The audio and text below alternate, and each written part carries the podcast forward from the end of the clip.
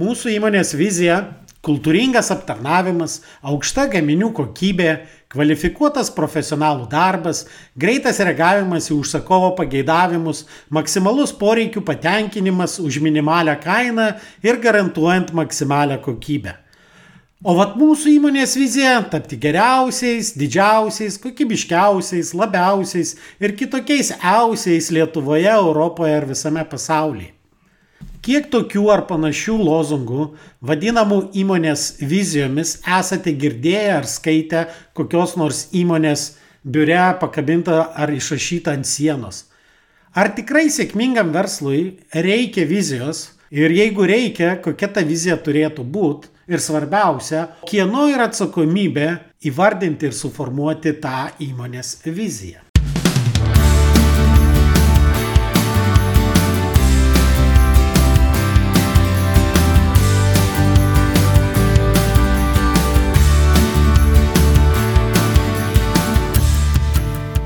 Sveiki, jūs klausotės podkasto Nuo amato prie verslo, kuriame tikima, kad verslas turi būti pajamų, pasiekimų ir pasitenkinimo šaltinis, o ne tik kelti stresą ir deginti laiką.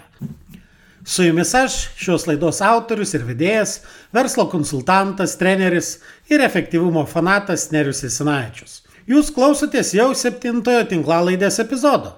Ir kaip ir supratote iš įžangos, šiandien pasikalbėsime apie įmonių vizijas. Taip, būtent pasikalbėsime. Tinklalaidės tobulinimo apklausoje nemažai dalyvavusiųjų pageidavo išgirsti ne tik mane, bet ir kitus pašnekovus. Nors aš siekiu, kad laidos trukmė neviršytų 20 kažkelių minučių ir tai šiek tiek sudaro iššūkių pasikalbėjimams, bet kodėl nepaeksperimentuoti? Šiandien aš noriu pristatyti savo pirmąjį tinklalaidės svečią, žmogų, kuris atnešė apribojimų teoriją į Lietuvą. Tai yra Elijahu Goldrato gamybinio romano Tikslas lietuvių kalba leidėja ir ne tik šitos knygos, bet ir daugelio verslo knygų lietuvių kalba leidėja, verslo konsultantą Dariu Ratkevičiu. Mes tikrai pasistengėme, kad mūsų pokalbis būtų labai koncentruotas, todėl gero klausimuose. Labą dieną, Dariau, smagu matyti tave ir e, gal trumpai prisistatyk, kas tu esi, kuo užsijami. Labą dieną, Neriau ir klausytojai. Labai trumpai save pristatyti ypatingai sunku, nes jau per daug nugyventa. Kaip ir užsiminėjau konsultavimu, tą, ką dariau jau 20 metų. Galėtume taip ir palikti. Na, ne tik tai konsultavimo, žinių platinimų, knygų, verslo knygų leidimų užsiminėjai irgi ir platinimu. Nu taip, ir, ir e, knygų leidyba, kelios parduotuvės moteriškų rūbų, psichologinės konsultacijos, pagalba vaikams su psichotraumomis, daug tos skirtingų krypčių. Gerai, tai šiandien mes, kaip ir planavom, pasikalbėkime apie tikrai tokį labai įdomų ir įvairialypį verslo valdymo aspektą kaip verslo viziją. Tikrųjų, daugelis šneka ir tikrai teko girdėti iš ne vieno verslininko, kai ateina pas kažkokius konsultantus sakyti, va, verslas šiek tiek buksuoja, kažką noriu tobulinti ir e, jiem tada sako, kad reikia pradėti nuo vizijos, va, sako, tu užsimerk ir papasako, kaip tu įsivaizduoji savo verslą po kažkiek metų ir, ir ta vizija, kad vizijos yra labai svarbu, bet mano patirtis rodo, ypač dirbant su smulkiu ir vidutiniu verslu, kad daugelis tų įmonių puikiai gyvena ir neturėdamos tų vizijų, tos vizijos savo. Tai iš tikrųjų reikalinga ta vizija, nereikalinga, ar nuo jos reikia pradėti ir kas atsakingas už tos vizijos padarimą, kaip tu pats manai Aš žinau, kad tu iš tikrųjų tą temą pakankamai nemažai gvildenai, gilinaisi, tai papasakok. Dėliau gal aš pradėsiu nuo atsiminimų su Vėlionis mokytojas Elis Goldratas sakydavo, kad visą laiką reikia iškelti klausimą ir jis taip rodydavo, realiai, ar tikrai, ar tikrai tai reikalinga. Ir e, kada visose e, vadybos mokymuose atsirado tai, kad vizija yra privaloma, kiekviena įmonė privalo turėti viziją. Ir tada man iškilo klausimas, o kas per daiktas tas vizija? Ar reali tikrai privaloma? Ir čia atsirado toks paradoksas, kad kai tu pradedi gilintis į žodžių semantiką, jų prasme, tada iškyla, o iš kur tas žodis ateina, ar kur jisai gimęs. Ir man toks kaip ir buvo atradimas gana netikėtas, kad vizija ateina grinai iš religinės literatūros ir vizija reiškia susitikimą su atgamtinė jėga, kuri tau parodo ateitį ir kryptį. Bet kas atsitinka, kada toksai žmogus pamato viziją? Kas po to atsitinka jo gyvenime? Iš tikrųjų, jis paskui tampa šventuoju. Nes šventos, šventasis susitiko su atgamtinė jėga, jis pamatė tą ateitį, suprato prasme ir jis tada veda kitus į tą ateitį. Ir čia nesvarbu, ar ta vizija yra e, gera žmonėms, ar tai savižudybės vizija, visada atsiras pasiekėjų, kurie su juo eina. Dabar tą aš noriu sujungti su tuo kitu, kita mūsų patirtim, su mūsų vėlionių mokslu, kuris sakė, kad pokyčius įmoniai galim padaryti tik su tokia įmonė, kurios vadovas turi energetikos. Kuris turi energijos daryti pokyčius. Ne tas, kuris sako, aš noriu pokyčių, bet jūs ją darykite. Bet tas, kuris iš tikrųjų nori.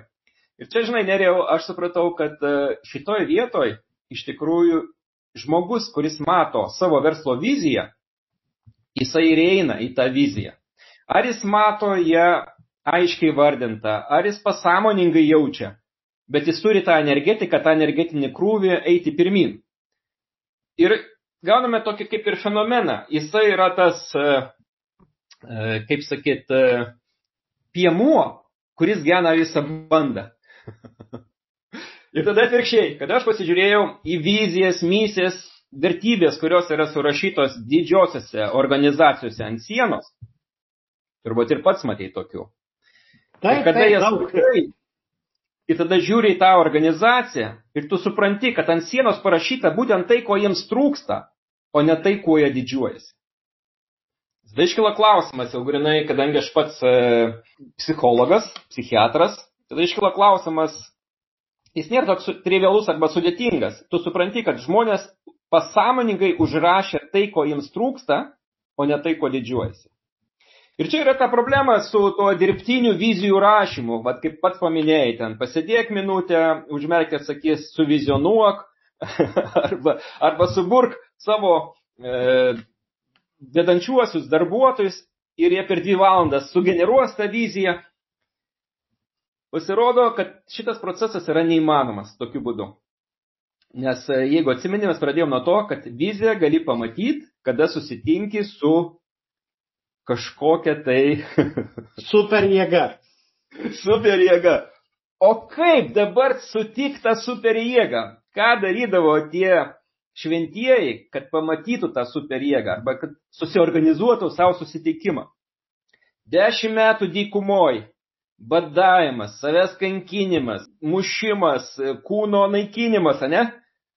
Sėdėjimas oloje, trijų metų, trijų mėnesių, trijų savaičių. Taip, taip. Trijų savaičių, trijų dienų, trijų valandų meditacijos ciklas, kad tau vieną dieną įvyktų tas susitikimas. Taigi, norint e, vizionuoti, tai yra procesas, kuris yra gana sudėtingas. Aišku, šiais laikais lengviau, ypač su mūsų Laisvės partijos politika, kuri sako, va jeigu žulytės parūkysim, greičiau vizionuosime. Ir tai yra tiesa, yra tokios chemijos, kuri padeda, bet, bet tu nežinai, kokią tave sritį tai nuneš. Taigi, jeigu taip apibendrinti, mes susidurėm su tokiu paradoksu, kad bet kuris verslininkas pradėjęs verslą, jis turi tą impulsą vidinį. Ir jis yra dažniausiai neįsisamonintas, bet tai įveda gyvenime. Jis eina, daro, daro, kažkam pasiseka didesnis verslas, kažkam mažesnis, bet yra toks iššūkis. Vieną dieną pavargsti žmogus.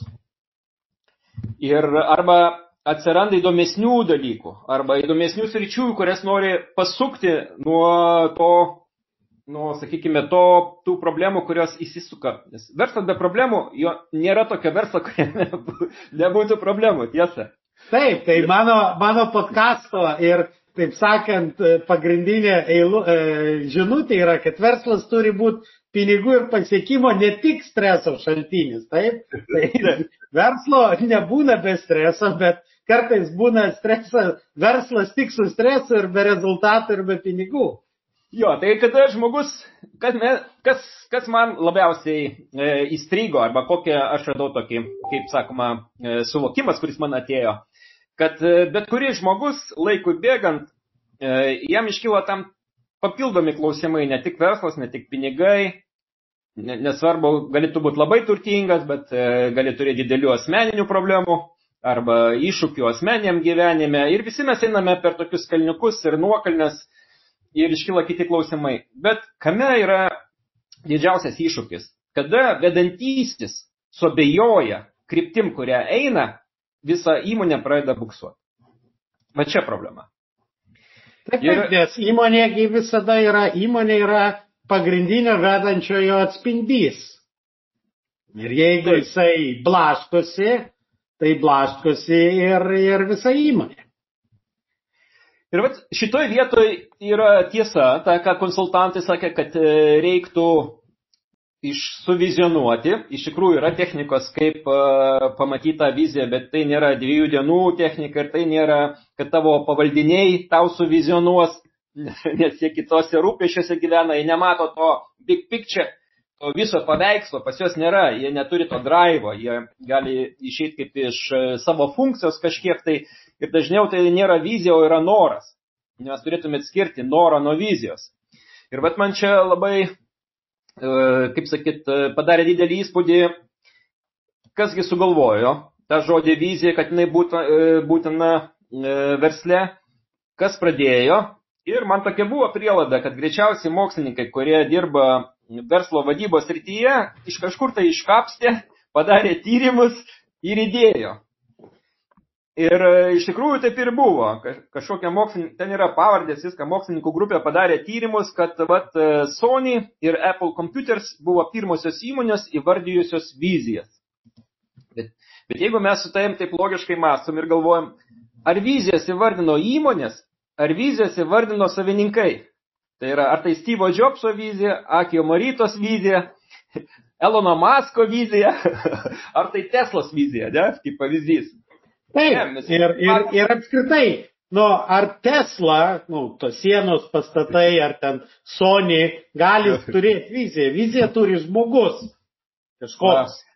O va šita paslaptis yra paslėpta nuo skaitytojų. Net jeigu imtume bet kurios šiaip populiariausias knygas, kaip Nuo gero prie puikaus ar Kūrima amžiams, kas labai stipriai išpopuliarino e, vizijos supratimą, Tai ten visą laiką eina kalba apie įmonę, niekad nekalbama apie tą asmenį, kuris vizionavo. Netgi tokia įmonė kaip General Electric, kuri neturėjo akcininko, vizionieriaus, bet jinai turėjo Jacką Welshą.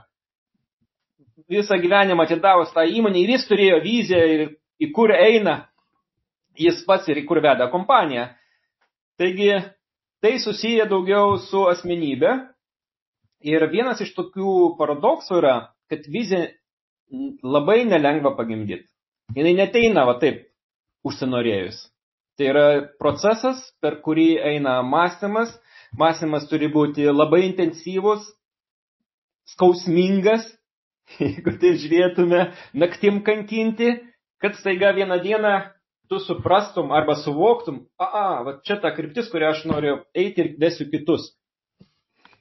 Ir ne tik suprasti, kad aš noriu, Bet jeigu prisimintumėm jau tavo minėtą mūsų mokytoją Liahų Goldratą, jis turėjo tą gyvybingą viziją, tą visą procesą Bible Vision, tai ten būdavo, tengi buvo labai daug tarpinių pasitikrinimų, kodėl aš tikiu, kad tai nėra halucinacija, o tai yra tai, kas suveiks. Ok, tu galbūt kai kurios prielaidos, nu, neįman, neįmanoma visko ten Bet tuo yra visas procesas suvokti, kodėl aš tikiu, kad klientai pirks, kodėl mano įmonė tą galės įgyvendinti, kodėl aš turiu pakankamai resursų ir taip toliau. Taip, neriau, tu labai teisus, nes ta Bible Vision, kurią Elis rodė ir, ir kiti, joje buvo visa finansai. buvo visi paskaičiavimai, kodėl taip įmanoma ir buvo rinkos supratimas, kokį gėrį tu padarysi savo klientams, kad tą viziją įgyvendinti. Nes dar viena sąlyga, vizija visada yra ne apie tave, ne apie tavo norą. Vizija yra apie žmoniją. Ką tu gero padarysi kitiems. Va čia yra tikroji vizija. Už tai jinai yra, ateina iš religijos. Žmogus pamatė, kokį gėrį jis gali atnešti kitiems žmonėms ir tai tampa vizija. Taip, ir, ir buvo tas būtina sąlyga, kad, reiškia, kokią reikšmingą kliento problemą tu išspręsi taip gerai, kad konkurentai net nesugebės taip gerai išspręsti. Bet va šitoje vietoje aš visą laiką mačiau apie mūsų mokyto matymą ir galvojau, kodėl tai strigo ir kodėl tos energetikos nebuvo žmonių.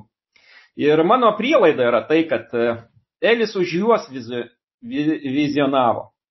Vietoj to, kad savininką kažkaip tai per eilę užsiemimų prives prie tos vizijos, buvo per daug tokia kaip ir tiesmukiškai, žiūrėk, yra tokia vizija, tą galima padaryti, nes yra tokie tavo klientai. Fantastiškas vizionavimas buvo iš Elio pusės ir paskui kitų, bet čia ta problema.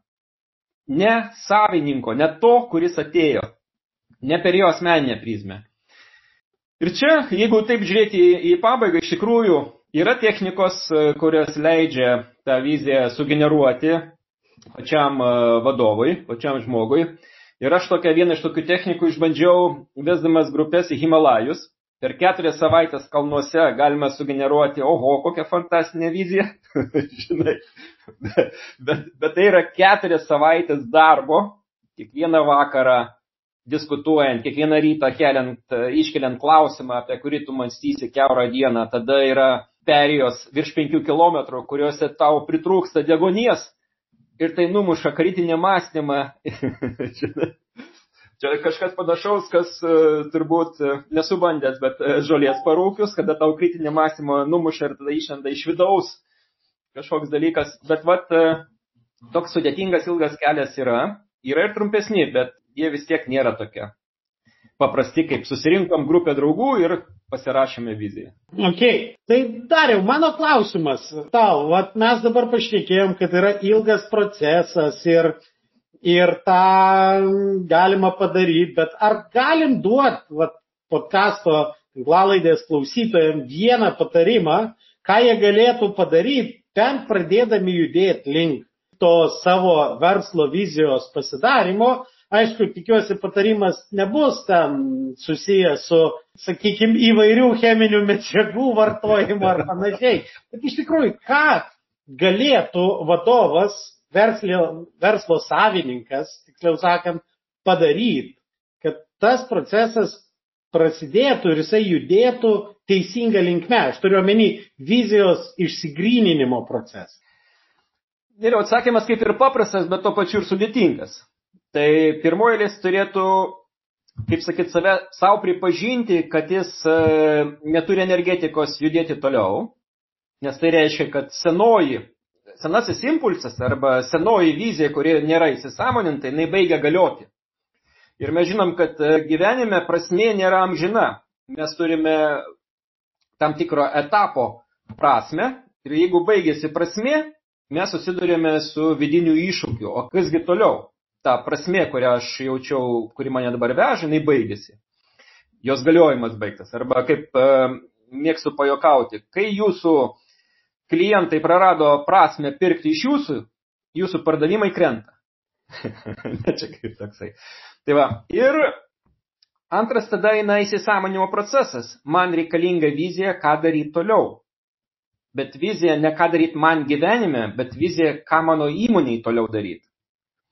Ir va šitoks klausimo uždavimas savo prieš miegą, labai aiškus įvardinimas ir palikimas, tai yra pirmas žingsnis. Nes tada smegenyse pradeda virti tą košę, jinai pradeda kažką tai generuoti, pradeda ieškoti kažkokiu tai variantu. Ir didžiausia klaida yra paprašyti darbuotojų sugeneruoti viziją. Nes tai bus jų norų išaiška daugiau, o ne ta vizija, kuri duos energetiją. Didžiausias privalumas vizijos, tu gauni energetiką ją įgyvendinti. jeigu mes paimtume Steve Jobs ir jo gyvenimą, jo vizija visą laiką jį vedė. Nesvarbu, kas vyko jo asmeniam gyvenime, bet jis turėjo viziją, ką jis daro versle. Prisimenant ir, ir, ir mūsų mokytojo, kad vizija, kad padaryti pasaulį geresniu ir išmokyti žmonės mąstyti. Taip? Taip, taip. Bet žinai dar kame e, paslaptys vizijos, tikros vizijos. Kada vizija, arba galėtume sakyti, e, yra e, karštutinė forma vizijos, ta, kai susitinki jau su kažkokia tai gyvybė ir tau pasako, bet yra ir lengva forma. Lengva forma vadinasi, a, supratau. Ne, tas vadinamas insightas. Taip. Arba, arba tas eureka, ne, kaip arba, Archimedas. Eureka arba kartais būna oh shit. oh shit, oh. Bet tuo metu, bet kas vyksta smegenyse? Smegenyse šorkatai subyra ir atsiranda nauja, nauja kryptis. Tai reiškia, vizijai nėra kritikos. Žmogus, kuris pergyveno šitą, supratau arba pamačiau efektą, viskas. Jo, jam viduj nebėra kritikos daryti ar nedaryti. Jis turi energetiką eiti pirmin. Va čia yra pats svarbiausias dalykas. Kaip Eli vedė noras visą pasaulį išmokyti mąstyti. Jis laiką buvo pilnas energijos, ne? taip, taip, taip. Tai va, tai jeigu mes ten turim vieną minutę, pasidalinsiu su savo e, vizija, karas Ukrainoje prasidėjo. Ir aš dvi savaitės galvoju, ko aš galiu prisidėti, kaip aš galiu prisidėti prie šito. Ir tada vieną rytą atsikėliau ir sakau, o, aš matau viziją, aš galiu padėti sukurti pamokas, kurias vestų mokytojai vaikam patyrusiems psichotraumą. Nes yra pribojimas. 3 milijonai vaikų iš Ukrainos e, išvyko iš šalies. Nei viena šalis neturi nei psichologų, nei menoterapeutų, netgi kalbos barjeras yra viena iš problemų.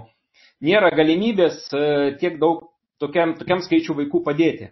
Da klausimas, kaip tą padaryti? Kaip padaryti, kad mokytas galėtų padėti? Ir e, dabar per devynis mėnesius šitą metodiką gimė Ir jeigu aš dabar žiūriu dabar atgal, tai aš turėjau galimybę padaryti pranešimą per Freedom forumą Norvegijoje, paskui per e, Nobelio premijos laureato baigiamąjį renginį. Tokie dalykai, jeigu žiūri, atgal, įvyko, kurių negalėjai suplanuoti arba atrodė fantastiška, kad, tu galėtum padaryti tokius pranešimus, susipažinti su mm, pasaulio įžymybėmis ir viskas tai atrodo gaunasi labai lengvai.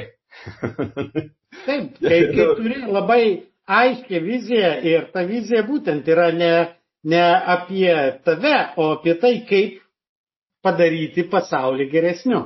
Gerai, dėkui dariau už tavo įžvalgas. E, labai trumpai dar pasakyk, kaip tave galėtų susirasti, jeigu kas nors iš, iš klausytojų norėtų pasikalbinti, pasišnekėti. Pagal vardą pavardę. Facebook'e, Arba LinkedIn'e. Taip, tai LinkedIn'as, Facebook'as. Ačiū Dariui už jo išvalgas. O klausytojams, jeigu jaučiate, kad trūksta vidinės energijos, tai pasižiūrėkite, ar bėda tame, kad kažkas jūsų energiją išvaisto, ar tame, kad jūsų asmeninė vizija jūsų jau nebeveža. Dėkoju, kad klausėtės. Ir nepamirškite užsiprenumeruoti šį podcastą kad visuomet gautumėte informaciją apie naujausias laidas. Taip pat būsiu labai dėkingas, jei įvertinsite šį podcastą palikdami atsiliepimą savo įprastoje podcastų platformoje. O jei pažįstate kažką, kam jūsų nuomonė šis podcastas būtų naudingas, būtinai pasidalinkite. Iki!